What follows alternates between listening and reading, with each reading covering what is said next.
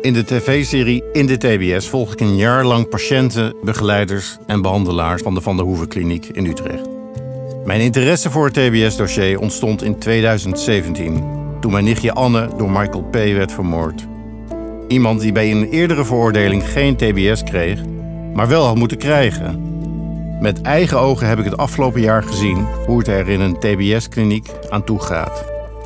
In deze podcastserie bespreek ik mijn observaties en dilemma's met hoofdbehandelaars van de Van der Hoeven Kliniek en experts, zoals TBS-advocaat Job Knoester en Michiel van der Wolf, hoogleraar forensische psychiatrie. ik vind het echt te moeilijk om er iets over te zeggen, omdat ik haar uh, niet ken, omdat ik haar dossier niet ken. Dus het vind ik eigenlijk heel moeilijk om iets over te zeggen. Wat mij wel gebeurde, was dat toen ik daar naar keek, en ik heb het nu weer, ik heb kippenvel nu. Maar hij heeft echt heel weinig zicht op uh, waar uh, de fine line van ik ben nog oké, okay, nou ik ben niet meer oké okay en ik steek iemand neer.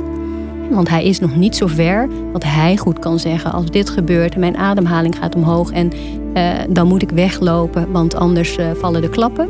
Maar je kan dan wel een telefoon controleren, maar nee. je, dat mag dus niet. Nee, want, want dan kijk je ook bij gegevens die ons niet aangaan, die we niet mogen controleren. En wat, wat vinden jullie daarvan? Nou, het is een duivels dilemma.